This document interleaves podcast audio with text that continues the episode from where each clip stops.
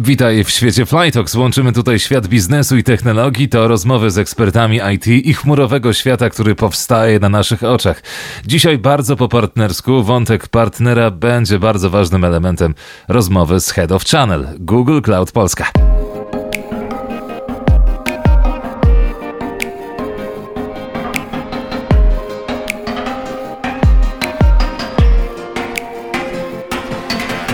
Poznajmy dzisiejszego gościa. Witaj Marto. Cześć Konrad. Czym się zajmujesz? Ja się nazywam Marta Matysiak. W Google Cloud zajmuję się rozwojem ekosystemu partnerskiego. Jestem channel leadem na Polskę. No i mam przyjemność współpracować właśnie z partnerami tutaj na terytorium Polski. Wcześniej CE, teraz natomiast Polska koncentrujesz się na naszym kraju, to przyjrzymy się trochę naszemu regionowi, który ostatnio też świętował swoje pierwsze urodziny i trochę sobie pogadamy po prostu o projektowaniu świata w oparciu o chmurę i e, przede wszystkim chciałbym też skupić się na roli partnera w ekosystemie Google. Pytanie, czy tam są jakieś zmiany, czy biznes ma jakieś obawy we współpracy z partnerami, bo teraz sytuacja chyba się będzie zagęszczać. E, właśnie to trochę wiąże się z wakacjami, więc może w ogóle od tego zacznę. Ty raczej jesteś z tych, którzy unikają tłumów, czy odpoczywasz raczej w tym dużym sezonie, wysokim sezonie? Staram się E, wypoczywać właśnie, gdy jest na to czas, czyli, czyli okres wakacyjny. I rzeczywiście wcześniej e, trudno mi się było w ogóle wyłączyć, no gdzieś tam ten mail był e, pod ręką, natomiast postanowiłam sobie tak właśnie drugi rok z rzędu, że gdy jestem na urlopie, to, to mnie rzeczywiście nie ma. No, znaczy, gdy jest sytuacja nagła, to telefon gdzieś tam mam, ale, ale nie zerkam, nie sprawdzam, więc taka higiena też trochę umysłowa raz na rok potrzebna. Znikasz, dobrze. Powiedz mi, czy, czy to jest tylko moje jakieś osobiste wrażenie, że ostatni kwartał roku to jest taki bardzo gorący czas, przynajmniej dla partnerów i nowe umowy i w ogóle chmurę, czy Google Cloud też ma y, takie spojrzenie, jak chodzi o ostatni tak. kwartał? Tak, tak. To znaczy, sama chmura oczywiście to nie jest jakiś biznes e, sezonowy i, i jakby potrzeby na chmurę są całoroczne, natomiast tak, my, my rok finansowy zamykamy z końcem roku kalendarzowego, więc to Q4 jest zawsze najbardziej intensywnym okresem. Mamy też coś takiego, to pewnie nie zdradzam tutaj sekretów, e, jak umowy commitmentowe z klientami, które chcemy właśnie pod koniec roku finalizować, tak, żeby też mieć e, taką pewność, ile, jaki wolumen biznesu nas czeka w konsumpcji już w przyszłym roku, więc zgadza się, Q3, Q4 to jest taki gorący okres właśnie, więc po wakacyjnie wracamy samo już na H2 z pełną parą, tak. Skoro y, wspomniałeś o umowach komitmentowych, jest to forma na obniżenie kosztów chmury, jakąś optymalizację kosztów. Z czym dokładnie się to wiąże? To znaczy, ja wyobrażam sobie to jako pewne zobowiązanie do zużycia, a dzięki temu chmurę mogę mieć po prostu taniej. E, Myślę, że to jest dobre, dobre podsumowanie. No, generalnie oczywiście mamy klientów i pewnie pierwsze, pierwsze nasze mm, no, rozmowy z klientami nie, nie, nie dotykają komitmentu, to jest oczywiście pay as you go, no bo taka jest tak naprawdę natura chmury. Natomiast w momencie, gdy klient już jest dojrzałym klientem, wie z jakich produktów korzysta, na jaki czas ich potrzebuje, no to mamy taką możliwość właśnie umowy komitmentowej, gdzie gwarantujemy z naszej strony właśnie e, resources, że tak powiem, e, możemy, możemy potwierdzić cenę, no po prostu zaoferować też troszkę lepszą cenę, jeżeli ta chmura jest wykorzystywana zainwestowana, no właśnie w takim powiedzmy pakiecie na, na dany okres czasu, na 2-3 lata. Więc jest to jedna z opcji zakupu chmury, natomiast e, pay as you go jak najbardziej jest, jest tą alternatywą, taką pewnie bardziej znaną. Jasne. Jeśli mówimy o partnerach, bo e, partnerzy też trochę pomagają w tym wszystkim, to czy możesz nakreślić rolę partnera w ogóle w ekosystemie Google? Jakie jest jego miejsce? Jak e, współpracujecie z partnerami? Jak można się nim stać? Tak na razie od ogółu. Jasne, to myślę, że mogę powiedzieć, że partner akurat stanowi takie centralne miejsce e, w naszym biznesie Google Cloud mamy strategię mm, współpracy z partnerem tak naprawdę w 100% e, tematów, tak, tak chcemy do tego podchodzić. E, co mam na myśli w 100% właśnie tematów, czyli od, mm, od działań przedsprzedażowych, od konsultingu, po właśnie po wdrożenia, po implementację, po utrzymanie e, klienta i mam też na, na myśli mm, na przestrzeni całego naszego portfolio produktowego. Zostając partnerem Google Cloud, to partner ma dostęp jakby do czy do odsprzedaży, jeżeli to jest e, ten, ten model partnerstwa, czy do świadczenia usług w obrębie całego portfolio produktowego i w obrębie też wszystkich e, dodatkowych usług, które my jako Google również moglibyśmy zrobić, typu professional services, właśnie utrzymanie, więc tutaj mocno potrzebujemy e, to, że działamy blisko z partnerami, chcemy się w 100% z partnerami skalować, to jest tak naprawdę też jedyna możliwość dla nas do, do szybkiego, dynamicznego wzrostu. No, takie mamy plany na rynku polskim, więc partnerzy są integralną częścią e, tego procesu. Też nie wiem, czy tutaj chcesz, żebym weszła w szczegóły, jakich mamy partnerów, jakie kategorie. Jasne, oczywiście. To jest, to, jest, to jest już ten moment. Dobrze, to, to nie jest też tak, że one size fits all, natomiast mamy różne modele partnerstwa. Tak, mamy partnerów e, stricte resellingowych, czyli partner, który odsprzedają, odsprzedaje naszą infrastrukturę. To też chyba, no, myślę, że nie mamy zupełnie już tak, takiej kategorii, która partnera, który jest tylko resellerem, tam zawsze jest jakaś value added service, który ten partner świadczy. Natomiast jeżeli partner chce się skoncentrować e, tylko na usługach, usługach w swojej powiedzmy domenie działań, to mamy, mamy ścieżkę partnerów usługowych.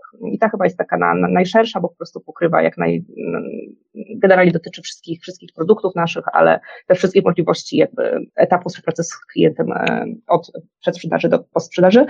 I mamy partnerów, partnerów technologicznych, partnerów tak zwanych ISV, czyli partnerów z kolei, którzy budują swoje rozwiązania na infrastrukturze e, GCP. Więc taki trzeci rodzaj partnerów, tutaj mówimy zarówno o takich mniejszych, lokalnych firmach specjalizujących się w, danym, danej usłudze i nie wiem, oferujących na przykład SaaS w, w konkret, dla konkretnej branży, dla konkretnego klienta, czy też o takich dużych partnerstwach technologicznych, globalnych, typu SAP, VMware, tak więc to jest taka trzecia kategoria.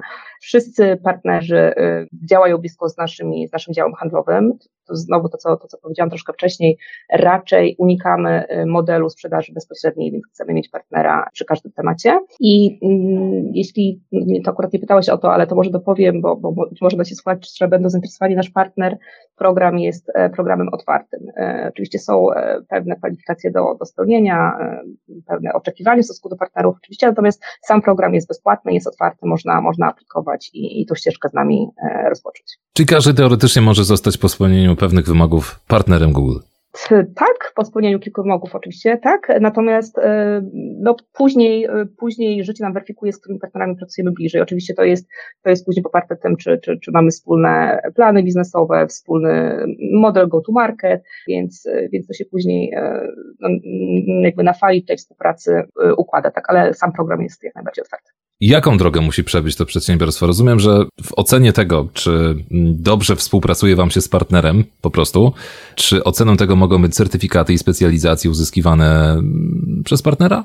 Tak, e, więc certyfikacje są takim twardym kryterium zostania partnerem, więc znaczy certyfikacje to oczywiście jest dopiero jakby poświadczenie pewnych kompetencji, więc to, co na czym stawiamy w takiej pierwszej fazie, czyli w fazie, w której partner jest tak zwanym memberem, member to właśnie jeszcze nieautoryzowany partner, a to jest taki okres inkubacji dla partnera, podczas którego właśnie nabywa kompetencje, szkoli się, ma, ma do tego materiały z naszej strony, e, ma ścieżki szkoleniowe przygotowane przez nas, więc to, to jest ta faza szkolenia, która powinna się właśnie zakończyć z sukcesem, jakim jest zdobycie certyfikatu certyfikacji technicznych. I e, certyfikacje techniczne no, pozwalają już partnerowi, to jest jeden z wymogów, ale powiedzmy ten taki najbardziej twardy, pozwalają partnerowi uzyskać status partnera.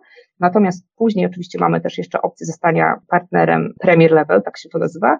E, znowu certyfikacje są częścią tego, e, tego procesu, natomiast to już mówimy o wolumenie biznesu, który wspólnie generujemy, biznesplanie, z którego się wspólnie wywiązujemy, E, kilka innych takich czynników, więc e, w miarę wzrostu jakby dojrzałości naszej współpracy, no partner ma szansę zostać partnerem mm, premier. Da się wyszczególnić jakieś korzyści, mówię tutaj o korzyściach trochę biznesowych, jakie można wyodrębnić e, współpracując stricte z partnerem? Czy to jest taki trochę pomost ułatwiający kontakt, czy po prostu to jest łatwiejszy, nie wiem, dostęp do inżynierów? Co tutaj jest taką mhm. naj, największą korzyścią? Mówisz z perspektywy, zakładamy, tak, klientów, tak? Tak, tak, tak, klientów i biznesu. Mhm. Jasne. No, przede wszystkim rynek chmury jest coraz bardziej dojrzały, ale to jeszcze nie jest e, etap pełnej dojrzałości. Tak naprawdę firmy na rynku często kompetencji e, cloudowych e, onboard u siebie in-house nie mają. Dopiero je budują. Więc partner jest właśnie z jednej strony taką, takim podmiotem, który może te kompetencje w miarę szybki, prosty sposób e, dostarczać. Nasi partnerzy, też mogę, mogę powiedzieć, partnerzy obecnie odpowiadają za 50% certyfikacji e, profesjonalnej Google Cloud na rynku polskim, więc 50% z nich jest w rękach partnerów, a więc szybki dostęp do, do, do ekspertyzy, właśnie do doświadczonych ekspertów u partnera, certyfikowanych cloud architektów, e, inżynierów, no to chyba jest taki naj, największy benefit. Bo partnerzy też są w stanie pomóc, pomóc ułożyć sobie taką ścieżkę edukacyjną u klienta, tak, w, te, w, te, w, te, w tej, w tej podróży im pomóc. No, poza tym myślę, że też warto podkreślić, że partnerzy, no przede wszystkim partnerzy mają różne referencje, często z, z rynków, e, działają globalnie, regionalnie, więc jakby mają, że tak powiem, skrótowe modele, czy sprawdzone modele biznesowe, które, które mogą realnie klientowi no, troszkę pomóc i skrócić ten czas e, poszukiwań.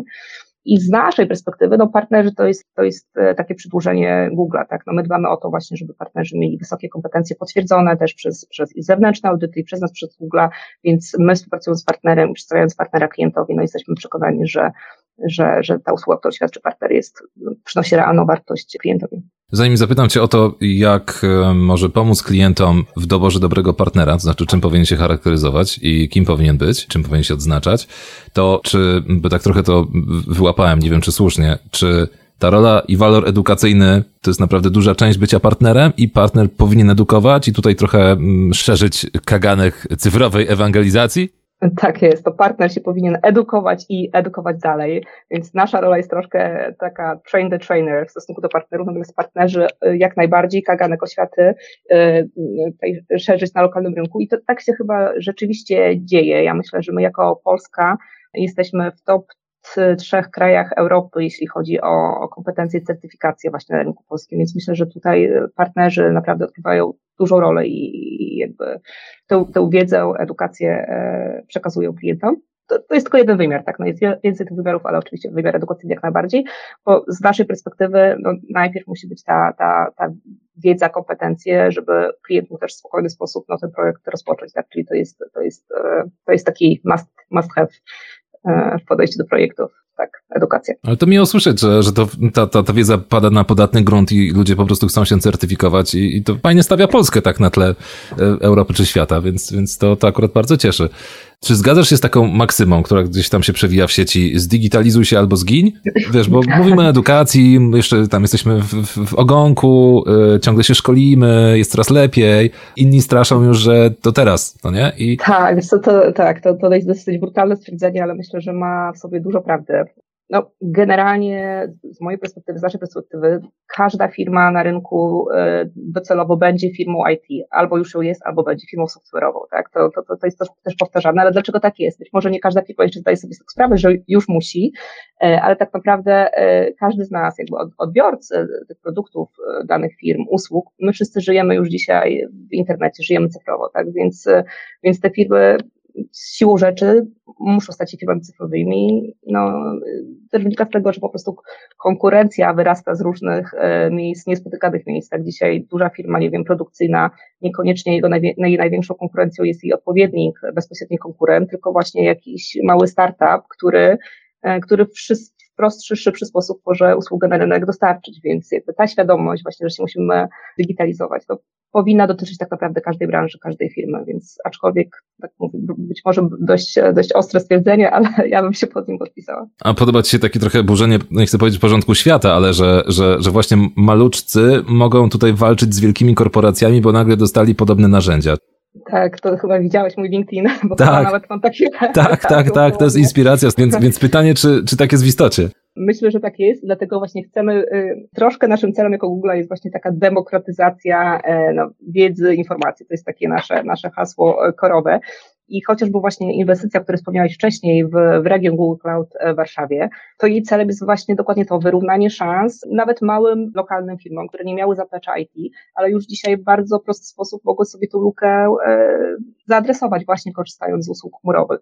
Dzisiaj e, taki deweloper właśnie w Polsce, w Europie Środkowo-Wschodniej ma takie same narzędzia jak, jak, jak deweloper w Silicon Valley, tak, więc myślę, że właśnie takimi inwestycjami adresujemy właśnie tę potrzebę e, szybkiego takiego e, wypełnienia chociażby właśnie IT gapu, który, który mogą mieć, e, mogą mieć lokalne firmy. Przedsiębiorca z Kalifornii, musimy to podkreślić, ma takie same możliwości techniczne i technologiczne jak przedsiębiorca z Polski.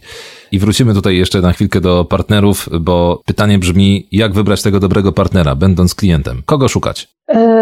To może tak. Paleta partnerów jest szeroka. Mamy partnerów takich globalnych, e, wszystkim znanych e, GSI-ów, mamy lokalnych system integratorów, mamy partnerów butikowych, więc tak naprawdę klient powinien wyjść od potrzeby, tak? Czyli my w rozmowach też z klientem jakby chcemy dotrzeć do tego koru, czyli jaka jest potrzeba biznesowa. Później ta układanka partnerów, no wspólnie z partnerami jest, jest, e, jest zadresowana. Często też to nie jest jeden partner i myślę, że to jest też taka cecha tych kompleksowych projektów IT, że że nie jest to praca dla jednego partnera, tylko często jest to, jest to uzupełnienie kompetencji różnymi partnerami, czy to właśnie w obszarze infrastruktury, czy bardziej w obszarze danych, czy, czy jakiejś socjalnej potrzeby. Oczywiście to, co, o czym mówiliśmy wcześniej, e, certyfikacje, kompetencje techniczne potwierdzone tak w obiektywny sposób też przez audytorów. Mamy, mamy, mamy coś takiego, co się nazywa specjalizację, to jako partner też, też pewnie wiecie, ekspertyzy i specjalizacje, czyli potwierdzone kompetencje partnera przez, przez pryzmat e, zarówno certyfikacji, ale również poprzez referencje e, klientów. I to chyba jest, to, to, to, to, to zasugerowała właśnie, że to, to, to też jest taki, taki miernik, właśnie czy dany partner w danym obszarze już wcześniej działał i pracował, tak, referencje, czy to z innych rynków, czy, czy podobnego zastosowania u innego klienta, więc myślę, że to jest taki czynnik, na który klienci powinni e, patrzeć. I powiedziałabym też jeszcze taki kulturowy fit. To jest, to jest być może mm, nie jest to formalnie e, gdzieś tam wylistowane jako, jako, jako twardy wymóg od klienta, od, od, od partnera, czy, czy rozmowa z klientem. Natomiast jeśli chodzi o nas, o Google, my, my szukamy właśnie tego Googliness-u przy współpracy z partnerami. Nie wiem, czy słyszałeś o tym koncepcie Googliness. To jest generalnie taka pewna kultura właśnie pracy, współpracy i tym ujęciu, o którym teraz mówimy, czyli współpracy partnera z klientem, no, nam zależy, aby partner w podobny sposób, jak my patrzymy na klienta, czyli nie jesteśmy tam po to, żeby domknąć deal, jak się to kiedyś mówiło. My jesteśmy tam, żeby być partnerem tego klienta, tak, żeby patrzeć tego klienta w ujęciu takim długofalowym.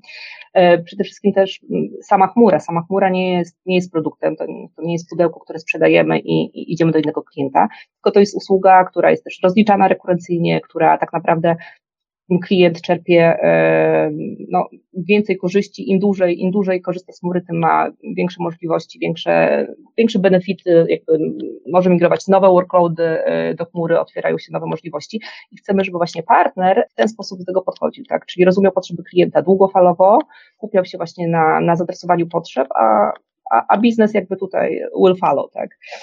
I Tutaj bym jeszcze dodała a propos tego biznesu, jak my też patrzymy na klientów, oczywiście klienci są zróżnicowani, różne branże y, różnie do, do, do transformacji cyfrowej podchodzą. Natomiast my mamy taką filozofię podejścia do klienta właśnie meet you, meet you where you are, tak, czyli spotkania klienta w tym dokładnie miejscu, w którym on jest. Czasami to może być nawet krępujące miejsce dla, dla, dla klienta, bo jeszcze na przykład nie rozważał w ogóle sprzedaży internetowej, na przykład mówimy o małej firmie, nadeszła pandemia, jest to, jest to must, tak, więc jakby spotykamy klienta w tym miejscu, w którym on jest, jakby i e, od tego punktu planujemy wspólnie ten, ten kolejny krok. Więc ten kolejny krok dla jednego partnera może być zupełnie innym, klienta, zupełnie innym krokiem niż, niż tego dojrzałego. Natomiast no, tu jest rola partnera i, i nas, żeby w tej drodze, niezależnie gdzie ona się rozpoczyna, pomóc. Czy takim nadrzędnym celem, z jakim się spotykasz, celem biznesu, jest optymalizacja kosztów?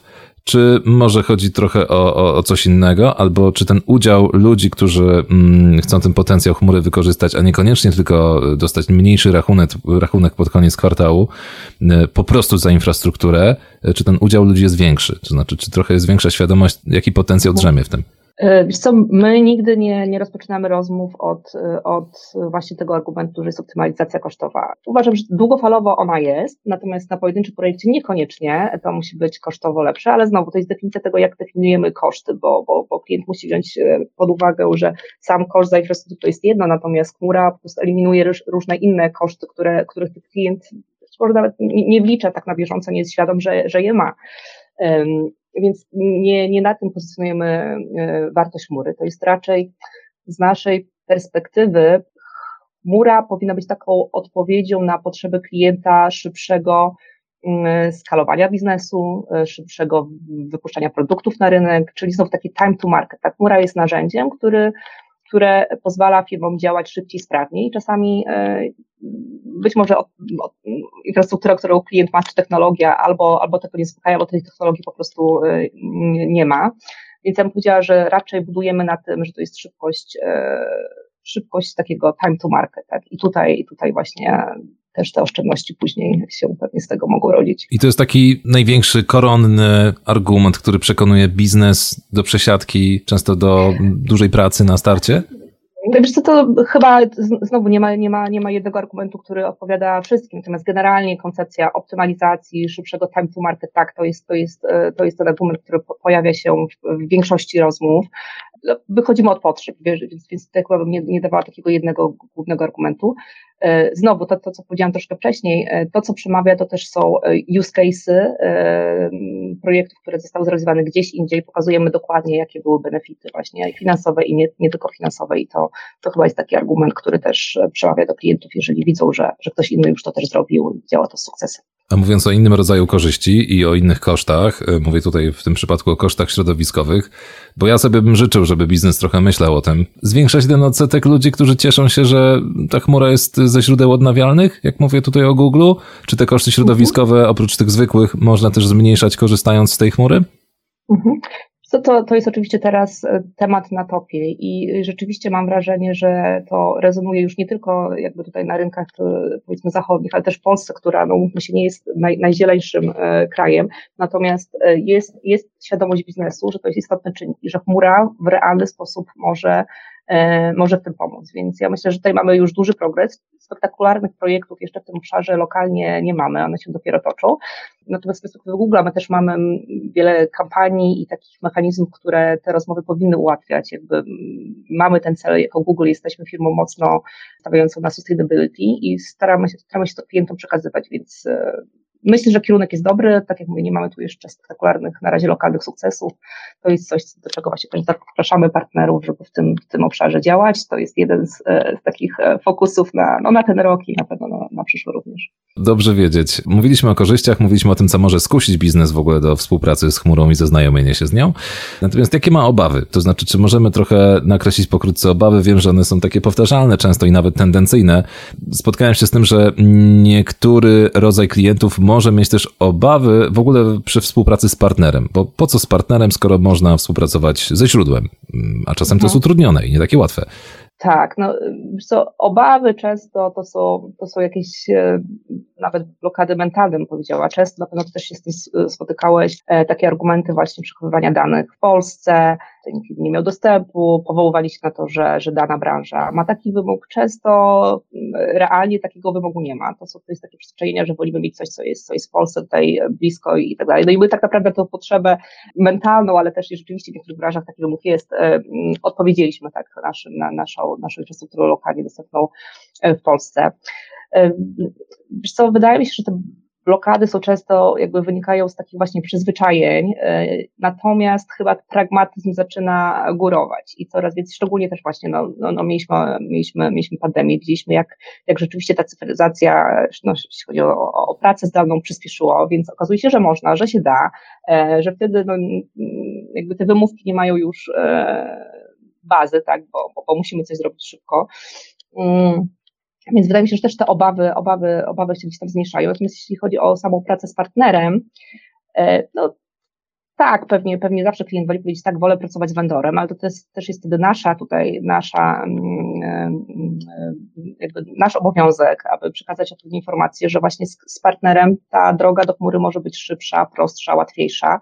Co więcej, często nawet komercyjnie może być bardziej opłacalna niż praca bezpośrednio z, z Google.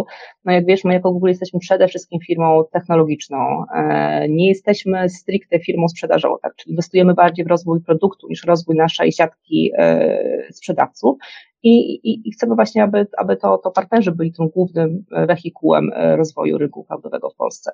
E, tak, no takie obawy się mogą zdarzać, ale to wtedy odsyłaj do nas, będziemy odpowiednio przekonywać do współpracy z partnerem. Strategia firmy jako tako jest, jest aby w 100% pracować z partnerami i tutaj się to nie zmienia. Przypominam, że rozmawiamy w ramach Flytalks z Martą Matysiak, Head of Channel Google Cloud Polska. I za nami właśnie pierwsze urodziny regionu. To wszystko wiąże się z pozbawieniem blokad mentalnych niektórych segmentów, bo w końcu mamy region w Polsce, zlokalizowany w Warszawie. Cały internet widział uśmiechnięte twarze, e, biznes, który korzysta z tej chmury. Pytanie, co jeszcze działo się na tym evencie? Co jeszcze tam można było wyczuć oprócz fajnej atmosfery? E, no i zakładam korzyści biznesowych. To znaczy, mhm. co, co od twojej strony tam się działo? ten, ten event to rzeczywiście to był, to był pretekst tak naprawdę, żeby się e, spotkać i podsumować sobie działania tego ostatniego roku. No, jak wiesz, Google jest e, pierwszym, na razie jedynym e, vendorem z infrastrukturą lokalną w tej części Europy w CE, więc, więc jakby te urodziny rzeczywiście to, to, był rok takiego podsumowania tego, co się zadziało, a zadziało się dużo, bo rzeczywiście tą akcelerację rynku i w ogóle zainteresowanie projektami cloudowymi obserwowaliśmy na przestrzeni ostatniego roku.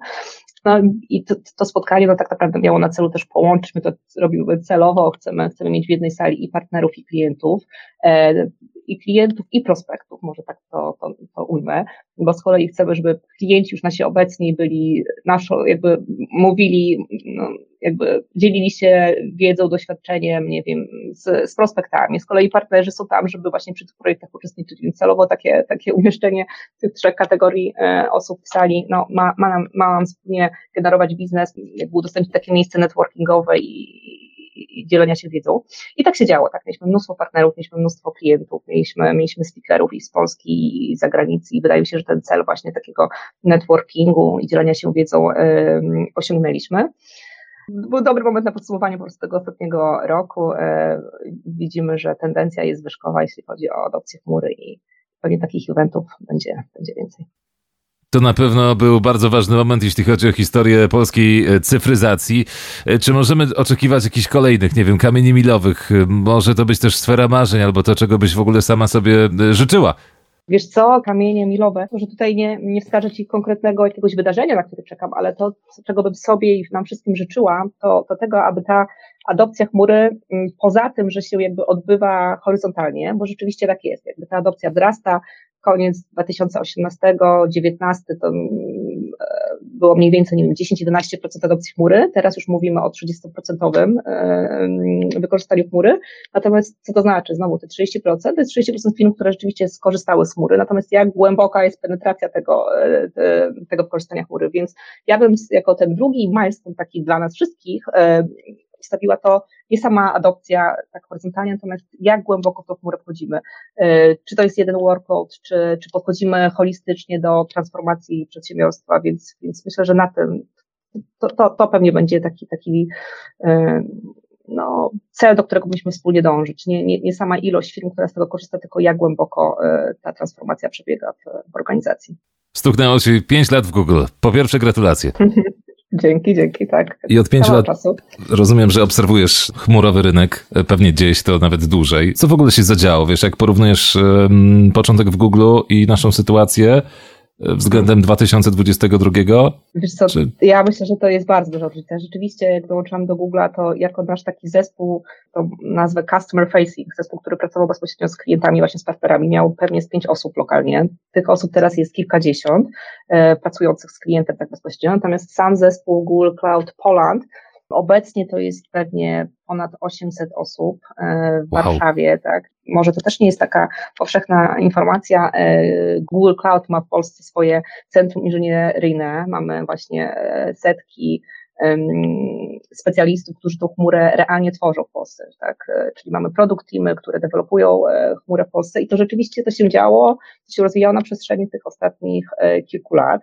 Z perspektywy Google'a Polska i ten, ten, ten ten obszar CE ma duży potencjał. Tak? My też od tych pierwszych projektów, które zaczynaliśmy, no Magda Dziewkut jest chyba w Google, nie wiem, 8-9 lat, więc gdzieś tam te pierwsze projekty się wtedy pojawiały, to były przede wszystkim projekty workspace'owe, to też wy byliście od początku tej drogi i wiecie, że pierwsze projekty nasze to były de facto właśnie workspace'owe, czyli projekty, jeśli chodzi o, o, o kolaborację, o współpracę.